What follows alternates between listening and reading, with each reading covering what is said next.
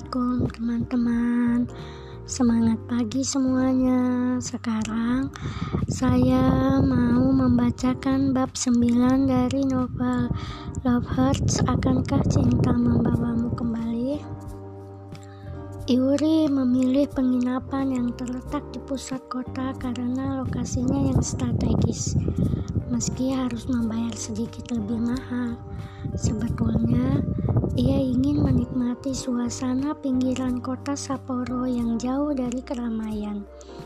Tapi ketika sedang mencari-cari hotel lewat online booking, Foni mewanti-wanti supaya tidak tinggal di daerah pedesaan atau pinggiran kota karena suasana sepi selalu berpotensi mengembalikan kenangan lama.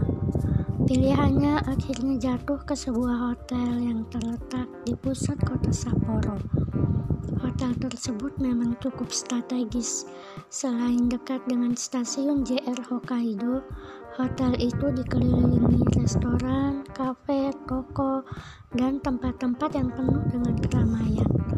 Karena perutnya belum kenyang, setelah mengunyah kudapan yang tadi dibelinya di stasiun JRP, selesai mandi, Yuri menyusuri Tanuki Koji yang letaknya tidak jauh dari hotel. Pusat perbelanjaan yang berada di area terbuka itu menyediakan hampir semua yang dibutuhkan para turis, dari pakaian, perhiasan, dan souvenir hingga klub malam, kafe, dan restoran. Tapi karena tujuan Yuri ke sana memang bukan untuk berbelanja, maka ia segera mencari-cari restoran di antara deretan yang berjejer di sepanjang jalan. Saat itulah tiba-tiba ia mendengar seseorang memanggil namanya. Mula-mula memang tidak jelas karena suara itu tenggelam dalam hiruk pikuk suasana perbelanjaan yang hampir menyerupai pasar malam. Namun lagi-lagi ia mendengar namanya dipanggil. Kali ini orang yang memanggilnya sudah nyaris berteriak. Sekarang ia yakin tidak salah dengar. Refleks Yuri memalingkan wajah, dan saat itu juga ia tertegun di tempatnya berdiri. Tubuhnya tiba-tiba terasa kaku, sulit digerakkan. Dadanya sesak, jantungnya seolah berhenti berdetak. Ia berdiri di sana, kira-kira tiga meter dari tempat Yuri berdiri, menatap lurus-lurus ke arahnya. Di bawah sorotan lampu neon yang bersinar terang benderang di area perbelanjaan itu, Yuri yakin ia tidak salah melihat orang. Ia masih mengingat dengan jelas setiap guratan wajahnya. Mana mungkin ia lupa. Meskipun sekarang wajah itu membiaskan rasa kaget melihat dirinya di Tanuki Koji, sama seperti Yuri yang seolah melihat hantu di malam hari. Hei, sapa pemuda itu. Ada rasa canggung berpendar di wajahnya. Kupikir salah lihat, tapi ternyata memang benar. Kedua tangannya masuk ke saku celana jinnya. Ia mengenakan jaket tipis berwarna biru tua, senada dengan kaos model crewneck yang membayang dari balik jaket tipis yang dibiarkan tidak terkancing itu. Ia terlihat sedikit salah tingkah. Ya, ini memang aku. Aku masih mencintaimu, Brand. Kembalilah. Kita bisa mulai lagi semuanya dari awal. Kepala Yuri dipenuhi deretan kata yang ingin sekali ia utarakan kepada Brandon saat itu. Tapi lidahnya keluh. Bibirnya susah sekali digerakkan. Ia belum sempat mengatakan apa-apa ketika tiba-tiba seorang gadis tinggi semampai yang menjinjing beberapa kantong belanja besar mendekati Brandon. Ah, Hani, aku cari ke mana-mana. Ternyata kamu ada di sini. Meskipun Yuri hanya pernah melihatnya sekali di kampus, ia bisa mengenali gadis itu. Namun, baru sekarang ia bisa melihat keseluruhan fisiknya dengan jelas. Wajahnya cantik, tubuhnya tinggi langsing, kulitnya putih bersih, halus seperti kulit bayi. Penampilannya seksi dan memukau. Ia mengenakan kaos merek terkenal dengan belahan dada cukup rendah yang pasti membuat lelaki normal tertarik melirik ke sana. Jesslyn menoleh ke arahnya. Tatapannya penuh curiga. Ekspresi wajahnya tidak memperlihatkan persahabatan. Kupikir kamu masih lama, jadi aku mencari makanan kecil untuk nanti malam kalau kau lapar. Brandon menjelaskan sambil tersenyum, menoleh kepada gadis yang berdiri di sebelahnya sambil mengacungkan kantong kecil berisi makanan. Sebelah lengannya bergerak merangkul pinggang gadis itu. Oh ya, Jess, kenalkan ini Yuri, katanya pelan, mengalihkan tatapannya kembali ke Yuri yang sedang berjuang mengumpulkan segenap kekuatan untuk tetap berdiri di sana. Sekaligus berjuang untuk meredakan gemuruh badai di dalam rongga dadanya. Jesslyn hanya memandangnya kaku. Sebelah tangannya yang tidak membawa kantong belanjaan sudah sejak tadi menggelayuti lengan Brandon seolah takut pemuda itu diculik Yuri. Sudah, dengusnya agak ketus. Kami sudah saling kenal kok. Tanpa menghiraukan Yuri, ia menarik-narik lengan Brandon. Ayo Ahan, aku sudah capek dan ngantuk nih. Barang-barang ini juga lumayan berat, desahnya lagi dengan manja, menunjukkan kantong belanjaannya yang lumayan banyak. Lagian, besok kita harus bangun pagi-pagi. Oke, oke, Brandon tertawa. Lalu diambilnya kantong-kantong belanjaan itu dari tangan Jesslyn. Ia lalu kembali mengalihkan pandangannya ke Yuri yang masih diam sejak tadi, belum mengeluarkan sepatah kata pun. Aku jalan dulu ya, Ri, katanya sembari mengangkat bahu dengan paslah. Tanpa menunggu jawaban lagi, Pemuda itu berlalu dari sana. Masih sempat didengarnya gerutuan Jesslyn. Ngapain sih Han? Lama-lama ngomongnya. Pertemuan tak sengaja dengan Brandon di Sapporo terjadi begitu cepat. Rasanya seperti mimpi sesaat. Yuri masih diam terpaku di tempatnya semula ketika sosok Brandon dan gadis itu sudah menghilang dari sana. Saat itu rasanya ia baru bisa bernapas kembali. Jantungnya yang tadi serasa berhenti baru berdetak lagi. Ia menarik napas dalam-dalam, mengisi rongga dadanya yang sesak sampai penuh dengan udara, lalu mengembuskannya keluar dengan keras. Butuh usaha yang besar untuk melangkahkan kakinya kembali. Rasanya otot-otot di kakinya masih kaku untuk diajak berjalan. Separuh menyeret langkah, ia keluar dari kompleks belanja itu. Ia membatalkan niatnya semula untuk masuk ke salah satu restoran di Tanuki Koji. Selera makannya hilang begitu saja bersamaan dengan semangatnya berlibur di kota ini. Ia ingin cepat-cepat pergi dari Sapporo. Ia tidak ingin bertemu mereka berdua lagi. Sebongkah rasa sesal menelusup ke hatinya. Kalau saja ia mau mendengarkan kata-kata Poni, liburannya tidak akan kacau balau seperti sekarang. Kota Sapporo yang seharusnya indah malah menciptakan luka baru di hatinya. Mata Yuri menghangat. Dua titik air bergulir turun dari kedua sudut matanya. Ia mengangkat sebelah tangannya, menutup bibirnya dengan hati remuk redam. Tidak, seharusnya ia tidak menangis. Seharusnya ia lebih kuat dari ini. Yuri terus melangkahkan kakinya. Ia tidak ingin kembali ke hotel, setidaknya untuk sekarang. Yuri berhenti di depan stasiun Sapporo. Sebuah kereta bawah tanah sedang berhenti di sana. Tanpa berpikir panjang lagi, sambil menyekap pipinya yang basah, Yuri melangkah masuk ke kereta.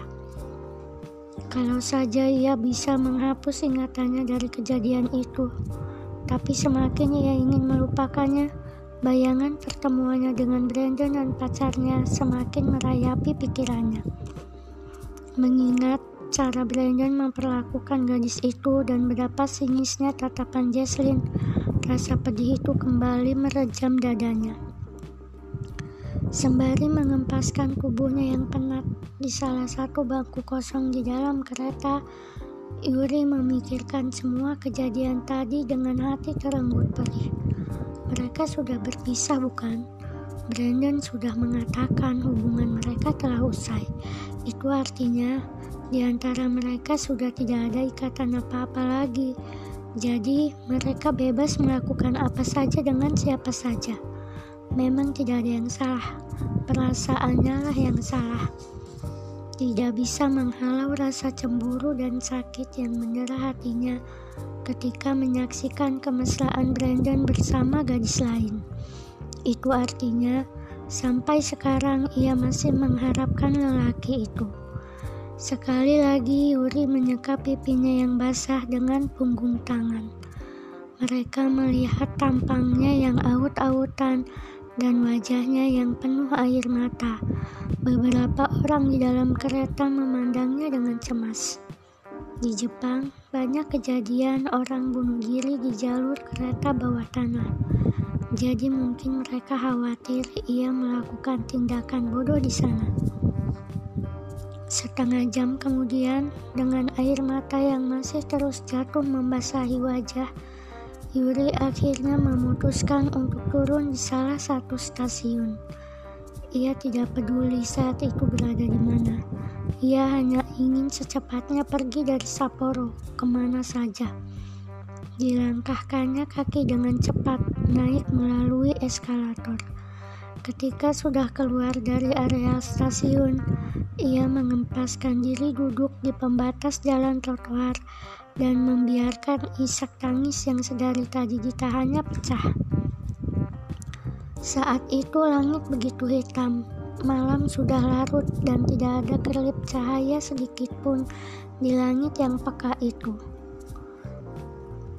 Cukup lama ia duduk di sana, menumpahkan semua perasaannya. Baru setelah tangisnya mulai mereda, ia beranjak berdiri hendak meninggalkan tempat itu. Saat itu ia baru menyadari kalau daerah itu terasa asing.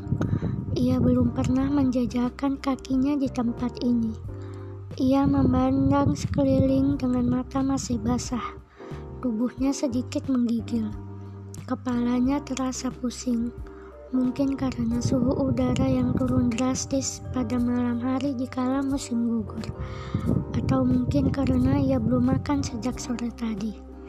Ia pun tidak membawa jaket dingin karena memang tidak berencana pergi sejauh ini. Ketika turun dari kereta tadi, yang ada dalam pikirannya hanya pergi sejauh-jauhnya dari Sapporo. Ia tidak memikirkan hal lain. Ia tidak ingin melihat kemesraan itu lagi. Kemesraan yang sebenarnya menjadi miliknya. Dulu mereka menyusun rencana ke pulau ini bersama-sama. Yuri bela-belain menabung setiap bulan, mengumpulkan uang untuk traveling ke Pulau Indah ini bersama Brandon. Kemudian ia harus melupakan rencana itu tatkala hubungan mereka kandas di tengah jalan. Dan sekarang Brandon malah di sini bersama gadis lain, bukan bersamanya. Sambil terus melangkahkan kaki tanpa tujuan menyusuri jalan di samping stasiun kereta bawah tanah. Kejadian tadi terus berputar-putar dalam kepalanya. Air matanya memang sudah berhenti mengalir, tapi luka di hatinya masih menganga perih. Gadis bodoh, Brandon sudah bukan milikmu, kau sudah tidak punya hubungan apa-apa lagi dengannya. Sambil menyeret langkahnya, Yuri mengulang-ulang terus kata-kata itu, seolah ingin menyadarkan dirinya kalau apa yang dirasakannya sekarang adalah hal yang sangat konyol. Lihatlah, Ri, Brandon sama sekali tidak menunjukkan rasa kehilangan. Ia malah kelihatan begitu bahagia bersama Jesslyn. Hampir setengah jam, Yuri berputar-putar menyusuri jalan itu tanpa tujuan hingga akhirnya ia melihat sebuah lampu cukup terang yang bersinar dari kedai yang menyerupai izakaya di ujung sebuah persimpangan jalan. Rasa capek lapar, dan letih menyergap tubuhnya. Sehingga tanpa berpikir lagi, ia langsung mendorong pintu kayu yang bertuliskan Akeru dalam bahasa Jepang. Begitu pintu terkuak, pemandangan pertama yang ia lihat adalah meja dan kursi yang semuanya terbuat dari kayu. Keadaan di dalamnya juga lebih mirip tempat minum-minum daripada restoran yang menyediakan makanan. Yuri sempat ragu sesaat, tapi ia tak punya pilihan lain. Kedai itu satu-satunya yang masih buka dan sekarang ia kelaparan. Barangkali selain sake dan soju, pemilik kedai juga menyediakan soba atau omakase. Lagi pula, sedikit sake mungkin bukan ide yang buruk di saat pikirannya sedang kacau seperti sekarang. Ia memantapkan hati melangkah masuk ke kedai dan menempatkan dirinya di salah satu bangku kosong di depan bar. Suasana di dalam kedai lumayan ramai Berseberangan dengan bar, duduk segerombolan pria Jepang di meja panjang sedang memberikan selamat sambil mengacungkan cangkir kecil berisi sake. Para pria Jepang itu sepertinya sedang memikai, kebiasaan yang lazim dilakukan di Jepang. Tanpa memedulikan beberapa dari mereka yang sedang memandang ke arahnya, Yuri melambai kepada pelayan yang dengan sigap datang melayani. Antoni Sumimasen, tapi yang tersedia sekarang hanya miso sup, kata pelayan wanita itu sambil membungkukkan badan saat Yuri menyebutkan makanan yang tersedia di menu. Kalau begitu, saya pesan satu mangkuk sup dan sebotol sake, jawab Yuri tanpa berpikir lebih lama lagi. Perutnya keroncongan dan kepalanya sakit. Sedikit minuman fermentasi barangkali bisa meredakan denyut di kepalanya. Yuri tidak tahu apakah pikirannya yang sedang kacau ataukah alkohol dari sake yang menimbulkan ketagihan. 45 menit kemudian, ia telah menghabiskan berbotol-botol sake tatkala pelayan wanita itu mendekati dan memandangnya dengan raut penuh kecemasan. Sumimasen, Onisan baik-baik saja? Ke kenapa? Sakit di kepalanya kian memburuk. Kerongkongannya terasa perih. Ia bukan hanya merasa mual, tapi perutnya sekarang juga melilit kesakitan. Onisan, Onisan yakin baik-baik saja? Tanya pelayan itu lagi seraya memperhatikan wajahnya yang memerah. Sebelum Yuri sempat menjawab pertanyaan itu, tiba-tiba pandangannya serasa berputar-putar. Lantai di kedai itu seolah bergelombang dan bergoyang-goyang. Ia berusaha beranjak bangun, namun tubuhnya limbung. Yuri terhuyung sesaat sebelum akhirnya ambruk menimpa meja dan tersungkur di lantai pendengarannya masih sempat menangkap teriakan, teriakan orang-orang di dalam kedai. Kemudian kegelapan menyergapnya. Alhamdulillah, bacaan bab 9 juga sudah selesai. Semoga yang mendengarkan bisa menangkap pesan-pesan yang ada di dalam novel dari bab 1 sampai bab 9 ini. Hmm, Terima kasih untuk yang sudah mendengarkan. Semoga tetap setia sampai novel selesai dan berganti dengan novel yang lain. Terima kasih. Assalamualaikum.